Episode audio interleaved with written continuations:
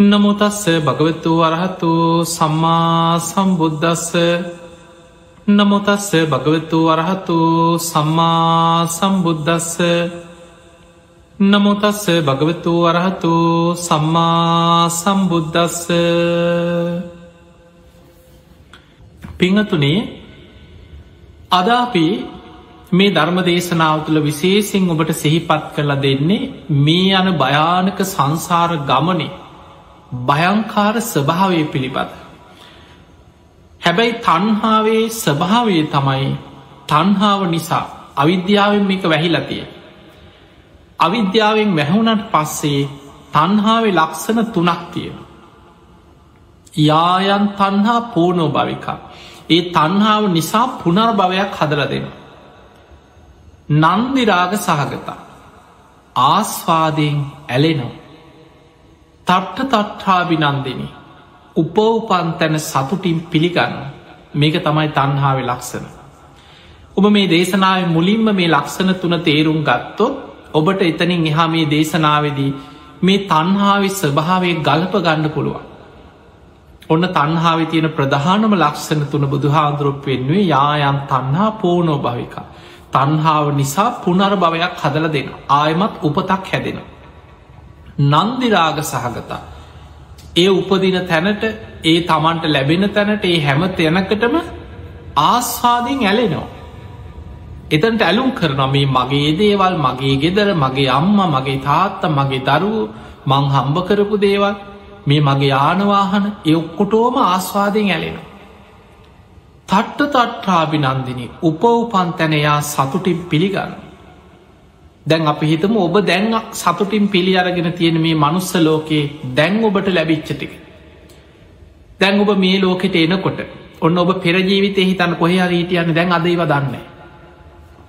ඒ ජීවිතය කොහේ හරීදල දෙව්ලොවක හරි මනුලොව හරි කොහේ හරි ඉඳලා ඔබ මැරුණ. ඒ මැරිලා පූනෝ භවිකා දැන් ඔබට පුනර් භවයක් ඇති වෙලා. ඔන්න මනුස්ස ලෝක උපතක් ලැබුණ පූනෝ භවිකා පුනර් භවය ලැබුණා. ඊළඟට ඒ පුනර්භවය තුළ දැන් ආස්වාදෙන් ඇලෙනවා නන්දිරාග සහගත ආස්වාදෙන් දැන් ඇලෙනවා. මේ මගේ ගෙදර මේ මගේ දරුවෝ මේ මං හම්බ කරපු දේවල් මේ මගේ ඉඩකඩම් මේ මගේ දේවල් දැන් ආස්වාදයෙන් ඇලිලා තියෙනවා මේ ලැබිච්ච තැන තියෙන දේවල්ලොට. තට්ට තට්ටාබිනන්දිනි උපවූපන් තැන සතුටින් පිළිගන්න දැන් ඔබ පිළි අරගෙන තියෙන්නේ මේ ඉපදිච්ච තැන. හැබැයි ඔබ මෙතන නැතුව වෙන කොහ හරි අම්ම කෙනෙක්ගේ කුසක ඉපදුනාන දැන් එනම් අද වෙනකොට පිළි අරගෙන තියෙන එතන මේ මගේ අම්ම මගේ තාත්ත මේ මගේ ඉඩම මේ මගේ දරු මේ මගේ ඥාතීන් කියලා දැම් පිළිගන්නේ අය. මේ ස්වභාවය මේ ලෝකෙ පුරාම හැම සත්වයෙක් තුළම හැම දෙවියෙක් තුළම හැම මනුස්සයෙක් තුළම හැම අපාය ඉන්න සතෙක් තුළ පවා මේ ස්වභාවි පවතින්. දැන් ඔබ හිතන්න කෙනෙක් මැරිලා උපදිනවා බලු පැටියෙක් වෙලා උපදින. දැන් අන්න තන්හාාවෙන් පෝනෝ භවිකා. පුනර් භවයක් ලැබුණා බලු පැටිය. නන්දිරාග සහගත දැන් ආස්වාදෙන් ඇලෙනවා.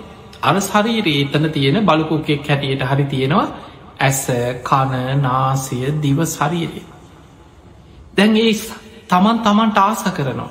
මේ මගේ අම්ම තාත් අර බලු අම්ම බලු තාත්ත බලු පැටව්ටික රැල අපාගන්නවා පොර කනවා පෙරලෙනවා සෙල්ලං කරනවා. ඒක තමයි දැන් එයාගේ ලෝක. ඒ ලෝකෙට ඇලුම් කරනවා. තත්ට තත්හාබි නන්දිනි උපෝපන් තැන සතුටින් පිළිගන්න. මේ ස්වභාවය මේ ලෝකෙ පුරාම හැම සත්වයක්ගෙම උපතත් එක්ක පවතින. පිංහතුනි භයානකම දේ. මෙන්න මේ අවිද්‍යාවයි තන්හාවයි එක්ක තමයි අපි කවුරුත් මේ සසර තාම යන්නේ. අපිට යන්න තියෙන්නේ මේ වගේ සුගති සහිත උපතකම යන ගමනක් නෙමේ. බුදුරජාණන් වහන්සේ බුදුවැසින් ලෝකෙ දිහා බලල අපිට පෙන්නල දුන්නේ මහනෙන මහපොළොවේ පස්තරක් සතරාපායි ඉන්න පිරිස මහපොළොවේ පස් වගේ කියලා හිතන්න කිය. සුගතියක උපදිනවා කියලා කියන්න මේ නියසිලටව එන්න පස්්ටික වගේ ඉතාම සුළු පිරිසයි. අපේ ජීවිතයේ මහගෙදරට කෙනෙක්ගේ හිත ඇදෙනවා වගේ සතර අපායටම තමයිකව සත්වයාගේ හිත ඇදිලතිය. සංසාරික සත්වයාගේ මහගෙදර තමයි සතරාපාය. ඒ උපමා බුදුහා දැන් ඔබ හිතන්න ඔබේ ජීවිතය ඔබ ඉන්න කොහෙහරි ගයක් ගැන හිතන්න ලංකාවෙන ලංකාව ඔස්ටේලියාව නම් ඔස්ටේලියයා මෙල්බන් නගර නම් මෙල්බන් ලෝකෙ තව කොහරි නං එහෙ ඔබට ගයක් තියෙන හදාගෙන මං ඉන්න මේ මගේ ගෙදර මගේ දරුව මේ මගේදේ. ඔබ හදිස්සියේ ගෙදරට මොනොහරි ගේන කඩේ යන. ගේල බඩු ටිකක් ගන්න. ගත්තත් දැන් හිත ඉක්මනට ගෙදර යන්න ඕන. මේ බඩුටි කාර ගන්නමකට ගෙදර යන්න මේ. කොහ අරි ගමනක් ගියත් හිත තියෙන්නේ ගෙදර. සමහරු නෑදෑ ගෙදර ගියත් කියනවා කොහේ ගියත් ගෙදර තරන්න නෑ කියන. හිත ඇදෙන්නේ ගෙදරට අර උපන්ගේ තමන්ගේ නිවස මේ මගේ තැන මගේ තැන කියලා එතනට හිත ඇදෙනවා ඇලෙනවා ඒ ඔස්සේ හිත දුවනවා. එතකොට සංසාරික සත්වයාටත් බුදුරජාණන් වහන්සේ පෙන්වේ සංසාරික සත්වයාට සතරාපායට හිත ඇදෙන්නේ මහාගෙදරට හිත ඇදෙනවා වගේ.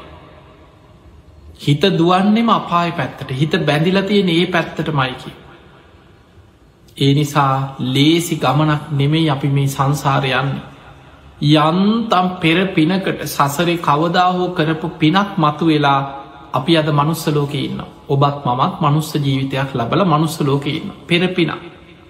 හැබැයි මේ පින ගෙවෙනවා පින හැමදාම තියෙන්නේ. පෙර පින ගෙවිල අවසන් වෙනවා. පින විපාකදීල අවසන් වෙන. ඒ පෙරපින ගෙවෙනකොට පින ඉවර වෙනකොට අපි දන්නේ නෑ පෙර අකුසලයක් බලවත් වුණු සසරේ කරපු කර්ම විපාකයක් මතු වුණු ඊළඟට නිරේකට වැටුණු තිරිසන් ලෝකෙට වැටුණු පෙරේත ලෝකකට වැටුණු පිංගතුනේ මේ බුද්ධ ශාසනයේ අග්‍රශ්‍රාවකයන් වහන්සේලා ඔබ දන්නවා සාරිපුත්ත මොග්ගල්ලාන මහරහතන් වහන්සේලා ඒකා සංකේය කල්පලක්ෂයක් පෙරුම් පිරු. එකැන අසංකේයකුත් කල්ප ලක්ෂයක් අග්‍රශ්‍රාවක තනතුරු ලබන්. අසූ මහ ශ්‍රාවකයන් වහන්සේලා. කල්ප ලක්ෂයක් සංසාරි දාන සීල නයිස්ට්‍රම්යාදී පාරමී පුරල තියෙනවා අසූ මහ ශ්‍රාවක තනතුර ලබන්න. ඒ අසූ මහා ශ්‍රාවකයන් වහන්සේලා අතරින් ශේෂ්ඨම කෙනා තමයි මහාකාශිප මහරහත්තන් වහන්සේ.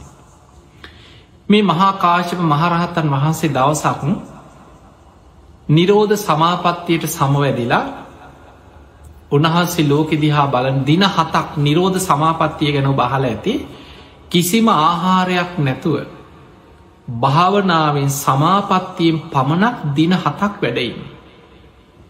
දින හතක් වැඩඉඳලා භාවනාවෙන් නැකිටලා එකන නිවන අරමු නිවනේ ස්වභාවය මිඳිමේ ආස්වාස ප්‍රශ්වාස පවා ඒ සමාපත්තිය තුළ නිරුද්ධයි කියල සඳහන් වෙන. එක තින වේදල්ල සූට්‍රය.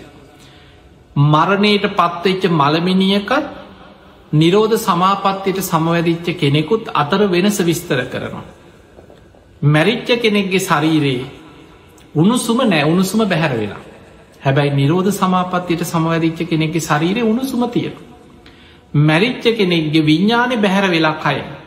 හැබැයි නිරෝධ සමාපත්තියට සමවරිච්ච කෙනෙක්ගේ විඤ්ඥානය කය තුළ තියෙනවා. බැහැර වෙලා නෑ හැබැයි මිය කිය කෙනෙක්ගේ ශරීරය සීතල වෙලා. නමුත් නිරෝධ සමාපත්තියෙන් වැඩ ඉන්න කෙනෙගේ ශරීරය ඒ උණුසුම එවිදිටම තියෙනවා.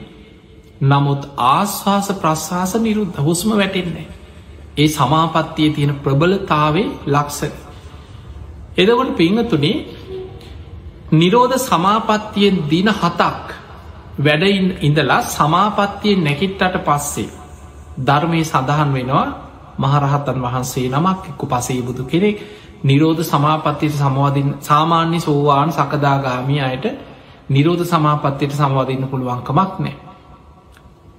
අෂ්ට සමාපත්ති දක්වාම හිත වඩපු පංචාභිච්ඥා අෂ්ට සමාපති බහල ඇති සමතෙන් රූප අරූප දිහාන ඉහලටම වඩාගත්ත කෙනෙකුට තමයි නිරෝධ සමාපත්තිට සමවාදන්න පුළුව. මේ මහාකාශප මහරහතන් වහන්සේ නිරෝධ සමාපත්තියෙන් දින හතක් වැඩඉඳලා උන්වහන්සේ බැලුවා කාට දදමම් පිහිටවෙන්. ඒකට හේතුව දින හතක් නිරාහාරව නිරෝධ සමාපත්තියෙන් වැඩඉඳලා පින්ඩ පාතය වඩිනකොට කවුරු හරි කෙනෙක් තුන්සිත පහදවාගෙන එක දානි හැන්දක් පූජ කරන්න. ඒක ආනිසංස ඒ මොහොත එතනම බලාගෙනින් නැද්දිම සුළු මොහොතකින් ආනිසංස පහළ වෙන. දිට්ට දම්ම වේදනීය දානය කානිසංසයක් ඒ මොහොතෙම ලබන්න නම් තියෙන ක්‍රමේ තමයි දිනහතක් නිරෝධ සමාපත්තියට සමවැදිලා සමාපත්තියෙන් නැකිටල ඉස්සල්ලාම පින්ඩ පාති වඩින ආරයන් වහන්සේ නමකට තුන්සිත පහදවා දම් හැන්දක් පූජා කිරී. ඒක විපාකයේ මොහොතෙම ලැබෙන. මහාකාශප මහරහතන් වහන්සේ දන්නවා දැන් සමාපත්තියෙන් නැකෙටලා පින්ඩ පාතය යනකොට කවුද ඉස්සරලා දං හැන්දක් පෙදන්න. ඒකෙනාට මහා පිනක් ඒ මොහොතෙම පහළ වෙනවා. ඒ නිසාමන් දිලින් දෙකුට අද පිහිට වෙනවා කියලා උන්වහන්සේ භාවනාවෙන් දිවසිම් බැලුව භාවනාවෙන් නැකිටලා දිවසිම් බැලුව කාට දද බම් පිහිට වෙන්න. පේසකාර ගමක් තින පේසකාර කියන ඔය රෙදිවියන මිනිස්සු ඉන්න බොහොම දුප්පත් ගමක් තියෙන.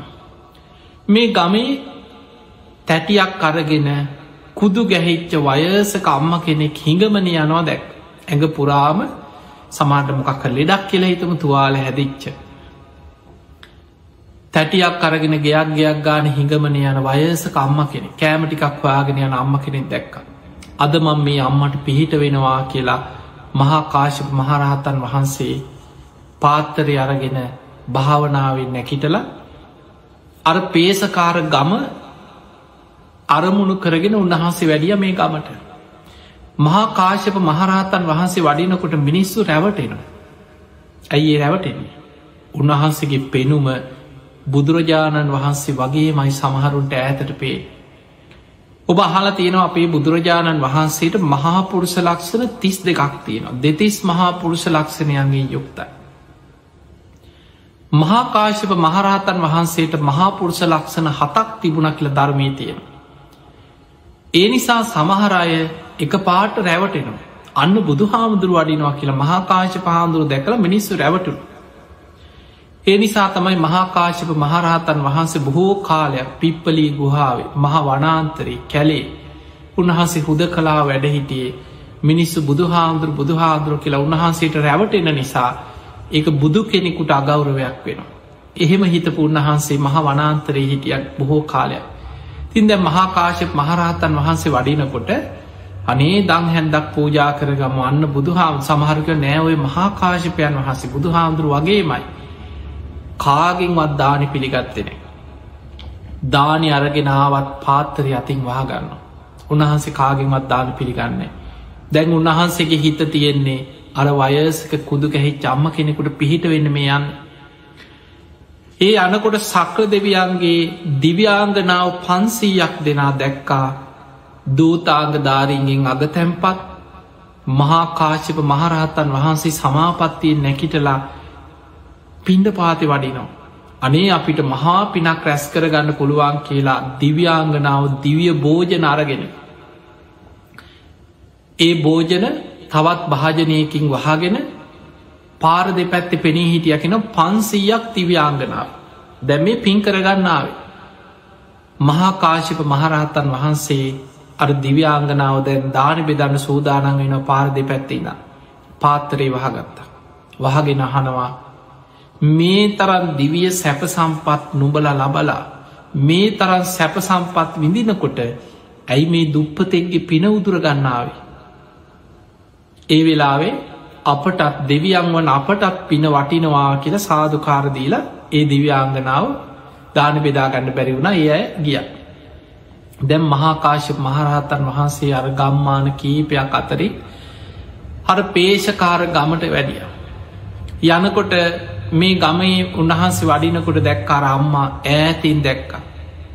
හැරමිටියක් අරගෙන වයසට ගිය කුදු ගැහි ඇඟ පුරාතුවාල හැදිච්ච. වයස කම්ම කෙනෙක් එදා දවස් ගෙවල් ගාන ගිහිල්ල හිඟමනයේ දිල තමයි එක්කො කියක් හරි ඉල්ලගන්නවා එක්ක කෑමටිකක් හොයාගන්න.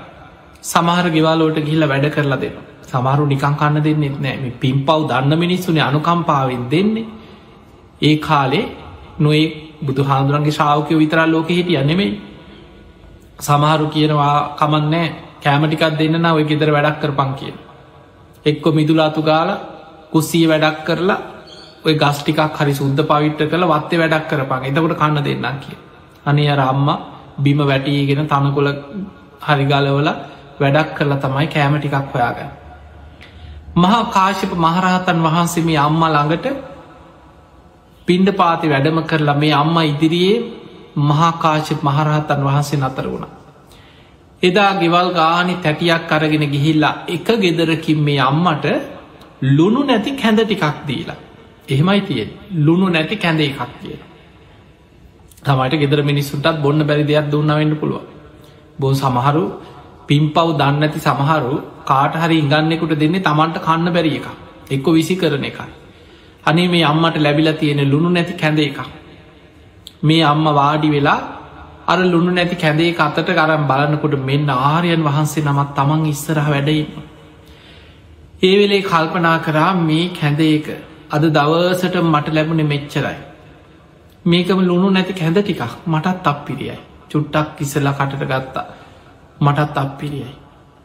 මේ ආරයන් වහන්සේට කොහොමද මං මේ කැඳේක පූජ කරන්නේ කියලා හිතුවා. සද්ධාව තියෙනවා දන් දෙන්න.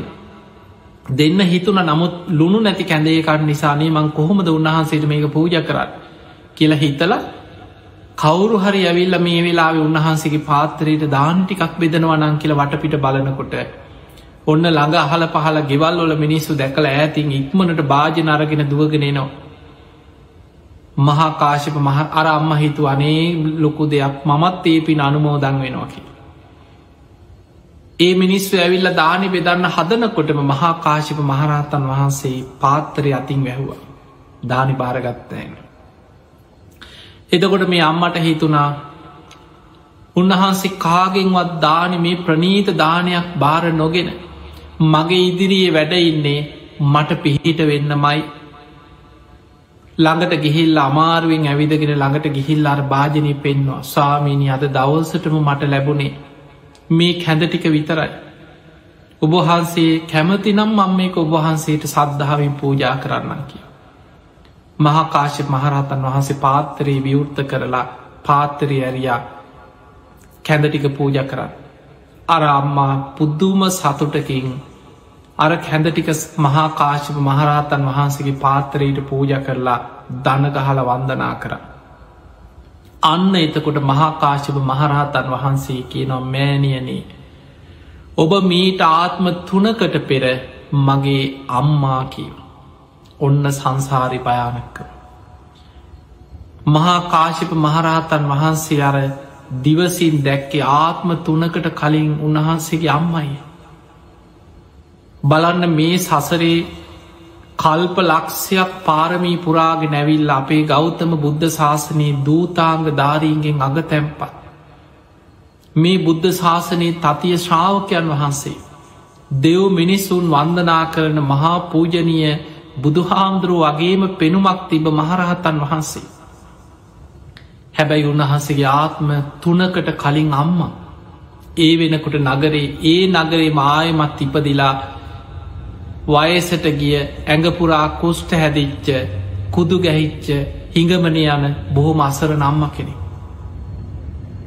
ඒ අම්මගේ ආත්ම තුනකට කලින් පුතාවෙච්ච කෙනා සියලු කෙලෙසුන්ගේ මෙදිච්ච දෙව් මිනිසුන්ගේ වන්දනා ලබන උතුම් මහරහතන් වහන්සේ නමක් කෙද. ඔන්න සංසාරි හැටි. සමහර වෙලාවට පෙර සසර අපේ අම්ම ලවිච්චයි. අද කොහේ කොහේ ඇද්ද කියලා හිතන් ඒක තමයි මේ සංසාර ගමනි ස්වභාවේ. ඔය වගේ ධර්මය සඳහන් වෙනවා ඔබ දන්නවා සාරිපුත්ත මහරහත්තන් වහන්සේ. මේ බුද්ධ ශාසනයේ ධර්ම සේනාධිපතින් වහන්සේ. ප්‍රඥාවන්තයන්ගෙන් අග්‍රම කෙනා. මේ සාරිපුත්ත මහරහතන් වහන්සේ දවසක් පිණ්ඩ පාතය වඩිනකොට පඳුරක් අස්සේ ඉඳම්. මුළු ඇගේම මස් කඩා හැලෙන විශාල දුරුගන්ධයක් හමන විරූපී ප්‍රේතියක් පෙනී හිටිය. මේ ප්‍රේතිය පෙනී ඉන්නකොට මුළු ඇගෙන්ම දුගදක් හමනු. සාරිකුත්ත හාන්දුරුව බැලුවා ඇගේ මස් කඩා හැලෙන ඇඳුමක් වස්ත්‍රයක් නැති ඇට සැකිල්ලක් වගේ විරූපී ප්‍රේතියක්. මෙහෙමත් සසර කරපු කර්ම ගෙවන අමනුස්සයෝ වෙලා දුක්විඳිනයි ඉන්නවනේ කියල අනුකම්පාවෙන් ඒ දිහා බැලුව. උන්හස පින්ඩ පාති වඩින්න උන්හස වඩින ගමන ගියා. පියවර කීපයක් උන්වහසේ වඩිනකොට අර ප්‍රේති ඇහෙන්න කියනවා අනේ ස්වාමීනි අහක බලං යන්න එපා මං ඔබවහන්සේගේ ආත්ම පහකට කලින් අම්ම කියෝ. දැ බලන්න කලින් මහාකාශි පහන්දුරන්ගේ ආත්ම තුනකට කලින් අම්මයි නගර හිඟාකමින් තැටියක් අරගෙන හිටිය. සාරිපුත්ත හාන්දුරන්ගේ ආත්ම පහකට පෙර අම්ම වෙච්ච කෙනා උන්වහන්සේ පින්ඩ පාතය වඩින්නකොට ඒ පාරක් අයින පෙරේතියක් වෙලා ඇගේ මස් කඩා හැලෙන සා පිපාසාාවෙන් දුක්විදින ප්‍රේතියක් සාරිපුත්ත හාන්දුරුන් අතර වෙලා බැලුව ඇත්තද මේ ප්‍රේතිය කියන කතාව ඇත්තද කියලා උන්හන්සේ දිවසින් බැලුව බලනකොට දැක්ක ඇත්ත. ආත්ම පහකට පෙර උන්වහන්සේගේ දාම්මා. ඒ ජීවිතය කරපු අකුසලයකින් ප්‍රේත ලෝකට වැටිලා අවුරුදු දස දහස් ගාන සමට අවුරුදු ලක්ෂ ගානක් වෙන්න පුළො. ප්‍රේත ලෝකෙ තාමත් දුක්විඳ විඳ ඉන්නවා මේ ප්‍රේති. පිංහතුනී මනුස්සලෝක අපි අවුරුදු පණහා හැටක් උපරිම සීයක් කියලා හිතන්නද. නමුත් දුගතියකට වැටුනොත් ප්‍රේත ලෝකෙකට වැටනොත් අවුරුදු ලක්ස ගනම්. සමහර ප්‍රේතයෝ ගැන තින බුද්ධාංකුර ගනම් ප්‍රේත ලෝකෙ දුක්විදින ප්‍රේතයෝ ගැන. ගැලවීමක් නෑ කර්ම විපාක ගෙවිල් අවසන් වෙනකං ඒ ලෝකවල ඉපදුනාට පස්සේ ආය ගැලවීමක් නෑ. නිරේට වැටනොත් ඒත් එහෙමයි. සමහරු බුද්ධාංකුර ගණන් අවුරුදු ලක්ෂ ගණන් අපායි දුක්විදින. සාරිපුත්ත හාන්දුරුවන්ගේ ආත්ම පහකට පෙරම් අදැන් උන්වහන්සේ ආත්ම පහක් එතනින් පස්සේ ආ ඉපදිලා. රූපසාරී බැමිණියගේ දරුවෙක් හැටියට ඒ ජීවිතේ උපතිස්ස ඉපදිලා ගාථාව පද දෙක ඇහෙනකොටම සෝවාන් පලට පත් වුණ. අපේ බුද්ධ ශාසනයේ බුදු හාමුදුරුවන්ගේ ධර්ම සේනාධිපති බුදුරජාණන් වහන්සේගේ ධර්ම චක්‍රය ඒ විදිහටම පවත්වන්න පුළුවන් භික්‍ෂූන් වහන්සේ අතරින් සාරිපුත්තයන් වහන්සේ තමයි අග්‍රම කෙනා. සාරිපුත්ත හාන්දුරුවන්ට අනුකම්පාවක් ඇති වුණා බලන්න සාරිපුත්ත හාන්දුරු අහනුව ඒ වෙලේ ප්‍රේතිය නුඹ මගේ මොනවද බලාපොරොත්තුවෙන්නේ. අනේ සාමීනී සා පිපාසාාවෙන් මගේ ඇඟම දනව කියෝ. මට අනුකම්පා කරන්න කෙනෙක් නෑ මාව සිහි කල්ල පින් අනුමෝදන් කරන්න කෙනෙක් නෑ මං බොහෝ කාලයක් මේ ප්‍රේත ලෝකෙ දුක්විදිනවා. අන්න එතනදි සාරිකුත්ත හාන්දුර හනා ප්‍රේතිය නුඹ මෙපමණ කාලයක් කුසගිනි දැනෙනකොට කුසගින්න නිවාගත්තෙ කොහොමද කිය. අන්න එතකොට මේ ප්‍රේතිය කියෙන ස්වාමීනී මං යුදුම් ගනන් ආහාර හොයාගෙන දුවනෝ. සාපිපාසාාවට යනෝ මං යනකොට සමහරලාවට ආහාර ඉතර නෑ මට කුසගින්න නිවාගන්න ලැබෙන්නේ මලකුණක ඕජා උරාබනකොට යන්තන් කුසගින්න නිවෙනවා. ඔබට පුදුමහිතයි මේ කෑමවීම විස්තරේ අමනුස්්‍යයන්ගේ ආහාර කෙනෙකුට හිතෙන පුළන් අම්බෝ අපිරියයි ඕවත් කනවද කියලා. ඔබට මේ කර්මී හැටි ඒක තමයි ස්වභාවය. අවිද්‍යාවත් තන්හාවත් එක්ක බැඳි බැඳි යන සංසාර ගමන ඔබට බලන්න පුළුවන් මේ දේශනාව තියෙනවා පේතවත්වේ සාරිපුත්ත මාතා පේතවත්වෝ කියන නමේ. පොතාරගෙන කියවල බලන්න ඒක තියෙනවා මේ ප්‍රේතිය සාරිපුත්ත හාමුදුරන්ට කියන අමනුස්්‍යයන්ගේ ආහාර. දරුව ලැබෙනකොට ගලන ගැප් මල ඒවා උරා බොනවා කියන. එම මනුස්්‍යයෝ බොනවා වගේ බොනවා නෙමේ ඒවා ආග්‍රහණය කරනවා ඒවා. එතකොට කුසගින්න නිවෙනවා කිය. මිනි පිච්චෙනකොට උතුරලා යන උරුණු තෙල් ආග්‍රහණය කරනවා කිය. එතකොට කුසගින්න නිවෙනවා කිය. මිනි කුණු වෙලා යනකොට ගලන ඕජාව අපි උරා බොනු ආග්‍රහණය කරන එතකොට කුසගින්න නිවෙනවා ටිකක් සම්පූර්ණ කුසගින්න නිවෙන්නෑ කියෙන් යන්තම් වේදනාව නිවාගන්න පුළුවන් කිය අසූචි මළමුට්ට දහඩිය ඒ ගන්දේ අපි ආග්‍රහණය කරනකොට කුසකින්න නිවෙනවා කිය ඒ කර්ම විපාකත් එක්ක ඒ ඒ අමනුස්්‍යයන්ට ලැබෙන ක්‍රමේ දැම් බලන්න පිංහතුනේ දැන් මේ කර්මවල සුරූපේ මනුස්්‍ය අතර වනත් මේ විඤ්ඥානයේ ස්වභාවය තමයි අපි යමකට ආසකරාට සමහලාට මනුස්්‍යවම ඉන්නවා ඒදේ පිළිකුල් කර.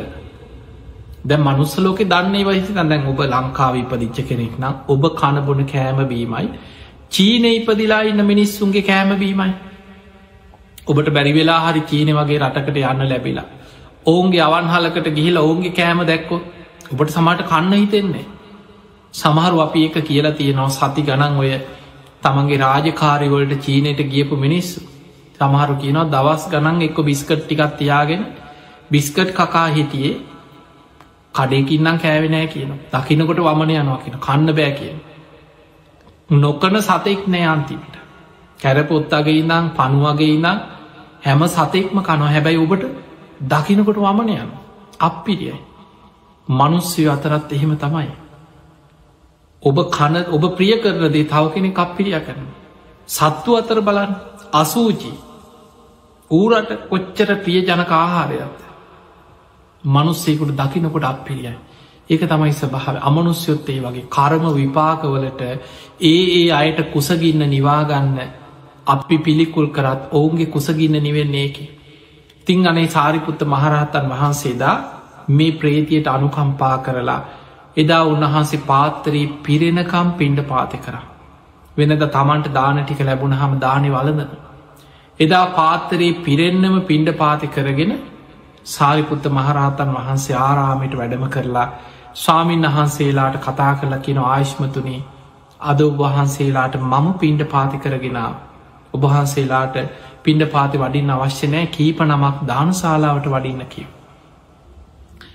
ස්වාමීන් වහන්සේලා මහරහතන් වහන්සේලා කීප නමක් පින්ඩ පාති යන සූදානං වෙච්ච දානශාලාවට වැඩිය. සාරිපුත්ත මහරහතන් වහන්සේ තමන්ගේ පාත්තරයට පින්ඩ පාති ලැබිච්ච ටික අනෙක් ස්වාමීන් වහන්සේලගේ පාත්තරවලට තමන් අතදාල බෙදලා ඒව බෙදල දුන්න. ඒ දාන ටික බෙදලා ඒ මොහොතේ සිහි කරා අදමම් පින්ඩ පාති කරගත් දානයමං සංඝයාට දන් දුන්න. මේ දාන මේ පිනෙම් මීට ආත්ම පහකට පෙර මගේ අම්ම වෙලා. තාමත් ප්‍රේතලෝකෙ දුක්විදින මේ ප්‍රේතිය මේ පින අනුමෝදන් වේවා. මේ දාන මේ පින අනුමෝදන් වෙත්වා. මේ ප්‍රේතියට සාපිපාසා සංසිදේවා ආහාර පහළ වේවා සුවපත්තේවා කියල සාරිපුත්ත හාන්දුරු පින් දුන්න. ඒ පින් දෙනකොටම පිනේ විපාක ලැබෙනවා කියන්න ඒ පින් දෙනකොටම කුසගින්න නැති වුණා පිපාසි සංසිදුනා ආහාරපාන පහළ වුණා වස්ත්‍ර පහළ වුණා අර ඇට සැකිල්ලක් වගේ මස් කඩා හැලෙන දුගඳ හමන ශරීරේ දෙවි කෙනෙක්ගේ ශරීරයක් වගේ දිවිය සලු පිළි වස්ත්‍ර පහළ වෙලා ශරීරෙ ලස්සනට කාන්තාවක් හැටියට අර අමනුස්ස කාන්තාව පහළ වුණ. පිනේ විපාකින් එතනම ඒ මොහොත පිනේ විපා ඇයිදැම් මේ දානෙ කෞුද මේ පින කරේ සාමාන්‍ය කෙනෙක් නෙමේ මේ බුද්ධ ශාසනයේ ධර්ම සේනාධිපතින් වහන්සේ. ඒකා සංකේ කල්ප ලක්ෂයක් පාරමීපුරපු සාරිපුත්තයන් වහන්සේ මේ පින කරේ ඒක විපාක ඒ මොහොතෙම ලැබුණ. පිංහතුනේ ආයමත් දවසක් සාරිකුත්ත මහරහතන් වහන්සේ පිණ්ඩ පාති වඩිනකොට මේ ප්‍රේතිය පෙනීන්න. හරීම ලස්සනයි දැ දිව්‍යාංගනාවක් වගේ. පෙනීඉදල සාරිකුත්ත හාදුරන්ට වන්දනා කරලා කියන ස්වාමීනී ඔබහන්සේට දැම්මාව අඳුන ගන්නත් බැරිව ඇති. මම ඔබහන්සේගේ ආත්ම පහකට පෙරම්ම. ඔබහන්සේ මට අනුකම්පාවෙන් මට පින්දුන්න. ඒ පිනෙන් මට මේ සැප සම්පත් පහළ වුණ මගේ කුසගින්න සංසිදුන පිපාසි සංසිදුන කිය. හැබැයි පිංවතුනි මතක තියාගන්න මියගිය කෙනෙකුට අපි එහෙම පින්දුන්නට එයාගේ මුළු ජීවිතේම සූපත් කරන්න අපිට බෑ. ඒ පිනේ විපාක තියෙන තාක්කල් ඒ සැප සම්පත් ලැබෙනවා පිනගෙවිලා ඉවර වෙනකොට අර අනුමෝදං වෙච්ච පින අර සැප සම්පත් අහිමි වෙලා ආයෙත් අර කලින් තිබ්බ විදිහට මස් කඩා හැරෙන දුගද හමන කුසගින්න පිපාසේ දැනෙන ප්‍රේතියක් බවට පත්වේ. ඒක තමයි පිනේ හැටි. ඒක නිකන් ඔබ හිතන්න මෙහෙම දැන් ඔබ ඕන තරම් අසරන මිනිස්සුන්ට හිඟන්නන්ට කන්න බොඩ් නැති මිනිසුන්ට උදව් කරලා ඇති. අපි හිතම අපි පාර යනකොට ඔය වගේ මනුස්සෙක් කියලා හිතන් වයසක අම්ම කෙනෙ. පාර යනකොට ඉල්ලන වනේ කන්න නෑ කන්න නෑ මොනවාහරි කන්න ටිකක් දෙන්න මහත්තයා කියලා ඉල්ලනවා. දැන් ඔබට අනුකම් පහිත අනේ මේ මනුස්්‍ය අපේ අම්ම වගේ. අපේ අම්මත් මේ වගේ මයි මේ වගේ වයස කෙනෙක් මේ අම්මටත් දුක දැනෙනවන කියලා ඔන්න දැන් හිත උුණු වෙනවා අප හිතම සාමාන්‍යයට හිගන්නෙකුට දෙනවාගේ නෙමේ අප හිතම ලොක්කු මුදලක් දුන්න කියලා දැන් සමහරු ඉන්නවා. අපිට සමාරු කතා කර කර අඩනවා වැල පෙනවා සමාරුක නනේ හාදුන්නේ අපිට අපේ අම්මට සලක ගණ්ඩ බැරි වුණා. ජීවත් වෙලා ඉන්න කාලේ අපිට අම්මට සලකණ්ඩ බැරි වුණා. දැන් අම්ම නැති වෙලා. සමයිට අම්ම වගේ කෙනෙක් දැක්කාම අනේ අම්මට සලකනවා කියලා හිතාගෙන සලකන. අප හිතම ඒ වගේ කාට හරි ඔන්න දැකලා අනුකම්පාහිතිලා අප හිතම ලොකු දෙයක්. රුපියල් පන්දහත් දුන්න කියලා හිතම. අම්ම මේ සල්ලි තියාගන්න අම්ම හොඳට ඇඳුමක් කාරගෙන මේ වැර හැලිවත් කරලා හොඳ ඇඳුමක් ගන්න හොඳට කාලබීලා ඉන්න කියල රුපියල් පන්දහක් දීලා රම්මගේ ඔළුවත් අතගාල වැඳලත් ගියා කියලා හිතම අනේ මගේ අම්ම වගේ කියලා වැඳලත් යනවා දැන් ඔබ හිතන්න කන්න නැතුව පාරක හිඟමනය ගියා වයිසක අම්ම කෙනෙකුට රුපියල් පන්දාහක් එක පාර ලැබුණොත් අරවිදිහට. ඒ වෙලාවේ මොන තරන් සතුටක් දැනෙනවාද කියලා ඔබම හිතන් ඇස්වලි මූනෙන් එන සතුට අනේ පින්සිද්ධ වෙනවා පින්සිද්ධ වෙනවා කියලා සන්තෝසෙන් කොච්චරනං ඒකෙන් සතුටු වෙනවා. හැබැයි ඔබ හිතන්න ඔය සතුට දවස් කීයක් තියෙයිද කියලා. ඔය පන්දාහෙන් ඕන්නන් ඇඳුමක් ගනි අර අම්ම ගිහිලා චීත්තයක් ගනි. වැරහැලීවලට හරියන්න මොක් හරි හොඳ ඇඳුමත් දෙකක් ගනි. ඊට පස්සේ ගෙදරට කන්න පොන්න ටිකක් ගෙනහල ඔන්න හදාගෙන උයාගෙන ගෙදර කයි කන්න නැති කෙනෙක්න. මාසයක්ම කෑව කියලා හිතන් රුපියල් පන්දාය ඉවර වෙනකම් මාසයක් කෑව. ඔය මාස ඉවර වෙනකොට අතේ සල්ලි ඉවර වෙනකොට ආයමත් බඩකිරි දැනෙනවද නැද ආයිත් බඩකින්න දැනෙනවා. අර ඇඳුම් ආය කාලයක් යනකොට කිලුටු වෙනවා. ආයමත් ඒවත් දිරල යනවා. ආයි කුසගින්න පිපාසි දැනෙනවා ආයිත් අර පරණ තැනට වැටෙන. ඒ වගේ තමයි අපි පින් දෙනකොට අපි කරපු පිනේ ප්‍රබලතාවය මත අපි මිය පල්ලවගේ ඥාතීන් සේ කල පින්දෙන අනේ අපේ අම්ම අපේ තාත් අපේ මැරිච්ච බාප්ප සීය. අපි සීකරල අපි පින් දෙනකොට ඒ පිනට අනුව ඒ අයට ආහාර පාන පහළ වෙනවා වස්ත්‍ර පහළ වෙනවා සැප සම්පට් ලැබෙනවා. හැබැයි ඒවා තියෙන්නේ අර පිනේ විපාක තියෙන තාක්කා. ඒ පිනේ විපාක සතියකින් මාසකින් මාස දෙකතුනකින් ගෙවිල අවසන් වෙන්න පුළුවන්. ඒ පිනේ විපාක අවසන් වෙනකොට ආයමත් සාපිපාසි දැනෙනවා. කුසගින්න දැනෙනවා. ආයමත් අර පහළ වෙච්ච වස්්‍ර අතුරු දහන් වෙනවා. ආයිත් අර දුක විදින ඕක තමයි අමනුස්්‍යයන්ගි ස්භාවේ. ඒ නිසා පිංහතුනි අපිට පේනො දැ මේ දේශනා කීපේ මං ගලපල ගත්තේ. සසර ගමනි භයානකකම තේරුම් ගන්න. මහාකාශිප මහරහතන් වහන්සේගේ ආත්ම තුනකට පෙර අම්මා එදා නගරේම තැටියක් කරන්න හිඟමනය යන අම්ම කෙනෙක් බවට පත්වෙලා හිටියන සාරිපුත්ත මහරහතන් වහන්සේගේ ආත්ම පහකට පෙර අම්ම උන්වහන්සේ පින්ඩ පාතය වඩිනකොට ඒ පාරකම ප්‍රේතියක් හැටියට සාපි පාසාාවෙන් ඇගේ මස් කඩාහැරෙන අමනුස්සෙක් වෙලා දුක්විඳ විඳ හිටියානම් ඔබ හිතන්න අපේ ජීවිතවල සංසාර ගමනේ අපේ අම්මවරු වෙච්චයි අපේ පියවරු වෙච්චයි අපේ සංසාරි සහෝදරයෝ ඥාතීන් දරුව ස්වාමිවරු බිරින්දෑවරු වෙච්චයි සසරෙ කොහෙ කොහෙ ඇද්ද මේ භයාන සමහන්ට ඔබේ පිඟානෙම. ඔබ කන මස්මාංසවලම ඔබේ සංසාරය අම්මතාත්ත වෙච්චායගේ මස්මාංස තියෙනවවෙන්න පුළුව මේ එහෙම සංසාර ගමනම් ඒ නිසා මේ සසර ගමන ගැන හොඳට නුවනින් හිතන් සමහර වෙලාවට මේ අර බුදුහාන්දුරන්ගේ කාලේ බුදුරජාණන් වහන්සේ වැඩ සිටිද්දි.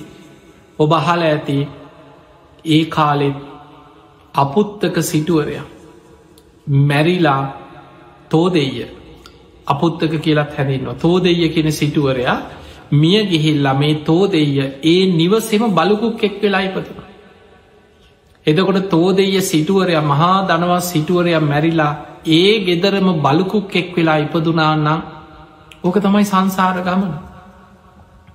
සමහර වෙලාවට අපිට තේරුම් ගන්න බැරිවුනාට අපිට අතීතෙ දිහා දැකලා පෙරජීවිත දැකලක් මේ ස්වභාව දකින්න අපිට අද බැරිවුනාට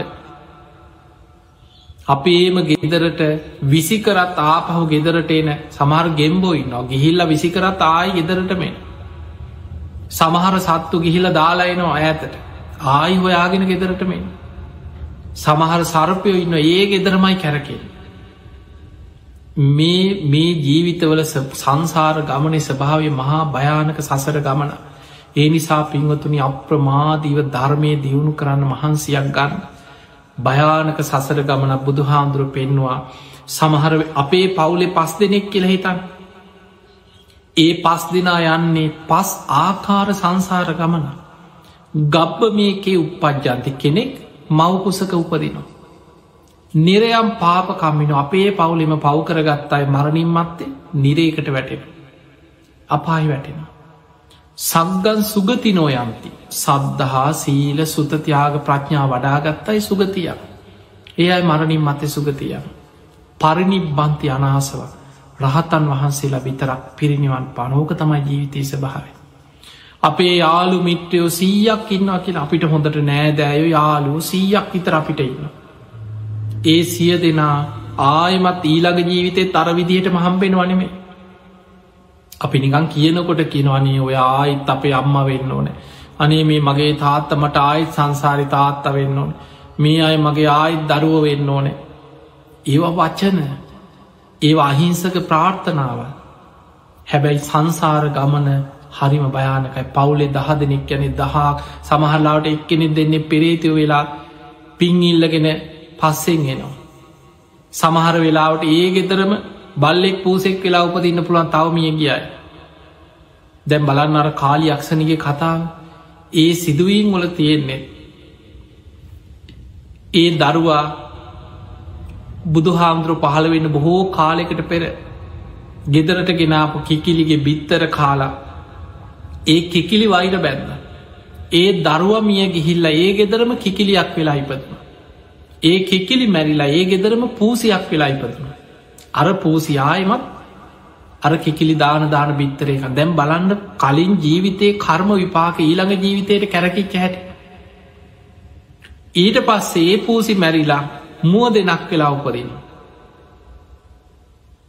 තුංගනි ආත්මට එනකොට ඒ කිකිලි කොටි දෙනක් වෙලා උපදින. මුව දෙන දාන දාන බිත්තර අර පැටව් මුව දෙන පැටව් දානකොට කොටි දෙන ඇවිල පැටව් කාලයන. බිත්තර කෑව ඊළඟ ජීවිතෙත් ඉපදිලා බිත්තර කෑව ඊළඟ ජීවිතය ඉපදිලා පැටව් කනවා. සසරි දිගට දිගට ආත්ම පන්සීයක් ඔහොම වෛරයක් කාව කිය. එදකොට බලන්න සමහරු ආසාාව නිසා දේපලවලට ඉඩංවලට ආසාාවෙන් මැරිලා ඒවා හොයාගෙනෙනවා. සමහලාට ගෙම්බෙක් වෙලා සතෙක් වෙලා අමනුස්සෙක් වෙලා ඉඩකඩන්වට ආසාාවෙහි නොහොයාගෙන. සමහරු වෛරෙන් මැරිලා පලිගන්නනවා ඒ අය හොයාගෙනනවා. දුගතීපද මේක තමයි සංසාර ගමන භයානක්ක. ඒ නිසා මේ භයානකකම තේරුම් ගත්ත කෙනා ආයායමත් ඉපදීපදි මේක යන්න නෙමේ කල්පනා කරත්. බුදුරජාණන් වහන්සේ පෙන්වා මහනෙන මේ සසර ගමන භයානකකම. බුදු කෙනෙක් තරම් මේ ලෝකෙ මිනිස්සුන්ට වැටහෙන වන්නම් බුදුරජාණන් වහන්සේ ලෝකෙ දිහා දකින විදිහට මේ ලෝකෙ මිනිස්සු දකිනවන හිස ගිනි ගත්ත කෙනෙක් ගින්න නිවන්න මහන්සේ නොවගේ ආයුදයකින් පහරක්කාප කෙනෙක් තුවාලයක් සනීප කරගන්න වෙහෙසෙනවාගේ මොන කරදර මොන දේවල් මොනවා තිබුණත් ඒ සියල්ල පැත්තක දාලා ධර්මය අවබෝධ කරන්න වීරිය ගන්න ධර්මාවබෝධයට මහන්සි ගන්න. බුදුරජාණන් වහන්සේ දවසක් එක ස්වාමීන් වහන්සේ නමකට විස්තර කරනවා භික්‍ෂුව අසූචි ගොඩක් තිබ්බත් ගඳයි චුට්ටක් තිබ්බත් ගඳයි. ඒ නිසා ඉපදීම දුකයි කියපු බුදුරජාණන් වහන්සේ එක ඉපදීමක්කත් වර්ණා කරන්නෑ කිය. මහනෙන අප්‍රමාදීව ධර්මය අවබෝධ කරලා මේ ලෝකෙන් මිදන්න මහන්සි ගන්න දෙව්ලෝවත් බඹලෝවත් ඒකත් දුකක් ඉපදීම දුකක්මයි. හැබැයි නිවන් දකිනකං සතරාපායි වැටෙන් නැතුව බේරෙන්න්න තියෙන තැන තමයි සුගතිය. කෙනෙක් මනුස්සලෝක හරි දිවියලෝක කාරි ඉපදුනා කියන්නේ යාට ධර්මය අවබෝධ කරගන්න පහසුයි.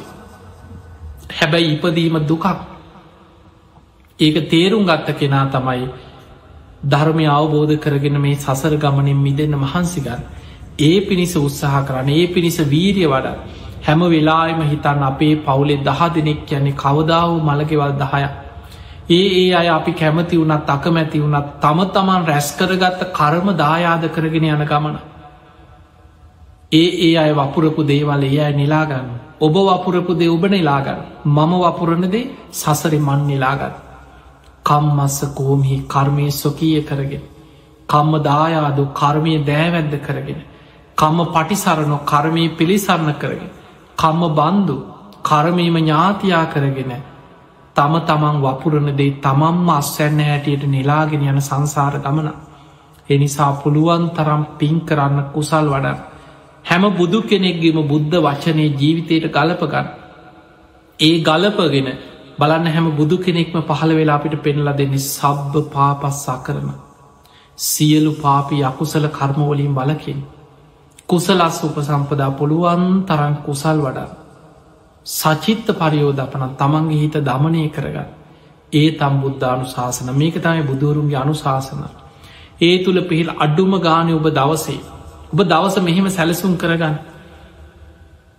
ඔබ උදේ පාන්දර නැකිටපු ගමන් කෙටියෙන් හරි බුදුගුණ සිහි කළ බුදුන් අදේ. සමහට රස්සාාවට යන්න වැඩට යන්න ගොඩක් වෙලාගන්න බැරිවෙන්න පුළුවන් හැබැයි අඩුම ගාන විනාඩි පහක් දහයක් හරි වෙන් කරලා බුදුගුණ සිහි කළ තුනුරුවන්ට ජීවිතය පූජ කළ බුදුන් අදන්න උදේ පාන්ද. මෝර පිරිතේ තියෙන ආරක්ෂිත ගාථා දෙක කරීම බලගත් උදේ පාන්දරයේ ගාත දෙක කියලා තමන්ට ආරක්ෂාවක් හදාගන්න. බුදුරු සිහි කරලා උදේ පාන්දර වන්දනා කරලා දවස පුරා තමන්ගේ සීල ගැන සිහියෙන්ගින්. අද දවසෙමං මගේ සීලයට හානියක් වෙන ඉට දෙන්නේ. අද දවස තුළ මන් සද්ධහා සීල සුපතියාග ප්‍රඥා දියුණු කරගන්න. ඒ අධිෂ්ඨානෙන් දවස ගත කරන්න. වාහන යනකොට වෙන්න පුළුවන් යනන වෙලාවට විවේකයක් ලැබුණම් බණක් අහගෙනය. බණපොතක් කියවන්න ලැබුණොත් කියවන් වාඩි වෙලා භාවනා කරන්න ලැබුණොත් වාහනක හරි කමක් නෑ පාඩුවේ වටපිට බල බලයන්න නැතුව ඇස් දෙක පියාගෙන බුදුගුණ සිහි කරන්න. අනිත්‍යමෙනෙහි කරන්න. මරණ සතිය වඩන් ධර්මාවබෝධයට හිත යොමු කරලා යෝනිසෝ මනසිකාරයකේ දෙන්න. දවසකට එක බනත් දෙකක් අහන්න හිත පුරුදු කරගන්න. ගෙදරාවට පස්සේ විවාවෙච්ච කෙනෙක් නම් ස්වාමිය බිරිද එක්ක දරුවෝ එක්ක ඒ අතර තුර ජීවිතයේ හැමෝම එකතු කරගෙන ගෙදර බුදුන් අඳන පරිසරයක් හදාගන්න. දවසකට සැරයක් හරි බනක් අහන හැමෝම එක්ක. නිදාගන්න ගිහිල් හරි මෛත්‍රී භාවනා වඩල බුදුන් ඇදල දරුව එක්ක බුදුන් අදින පුරුද්දක් ගෙවල්ල ඇති කරගන්න. ඔබේ ජීවිතය ඔය විදියට පියවරෙන් පියවර ධර්මී පැත්තට හදාගත්තු. ඔබටම තේරේ ජීවිතයේ ධර්මාවබෝධයට ජීවිතය සකස් වෙන හැටි. ඒ නිසා ගෙවෙන හැම දවසක්ම හැම පැයක්ම හැම තප්පරයක්ම අපි මරණයට ලංවෙනවා. කවදක් කොත්තන කොයි මොහොත අපේ හුස්මටික අයිද අපි කවුරුත් දන්න. ඒ නිසා අප්‍රමාදී වෙන්න ඔබ හැම දෙනාටම අප්‍රමාදීව සද්ධහාදීකුණ ධර්ම දියුණු කරගෙන කුසල් දියුණු කරගෙන උතුම් ධර්මී අවබෝධ කරගන්න වාසනාව ලැබේවා ලැබේවා ලැබේවා කියලපි ආශිර්වාද කරනවා.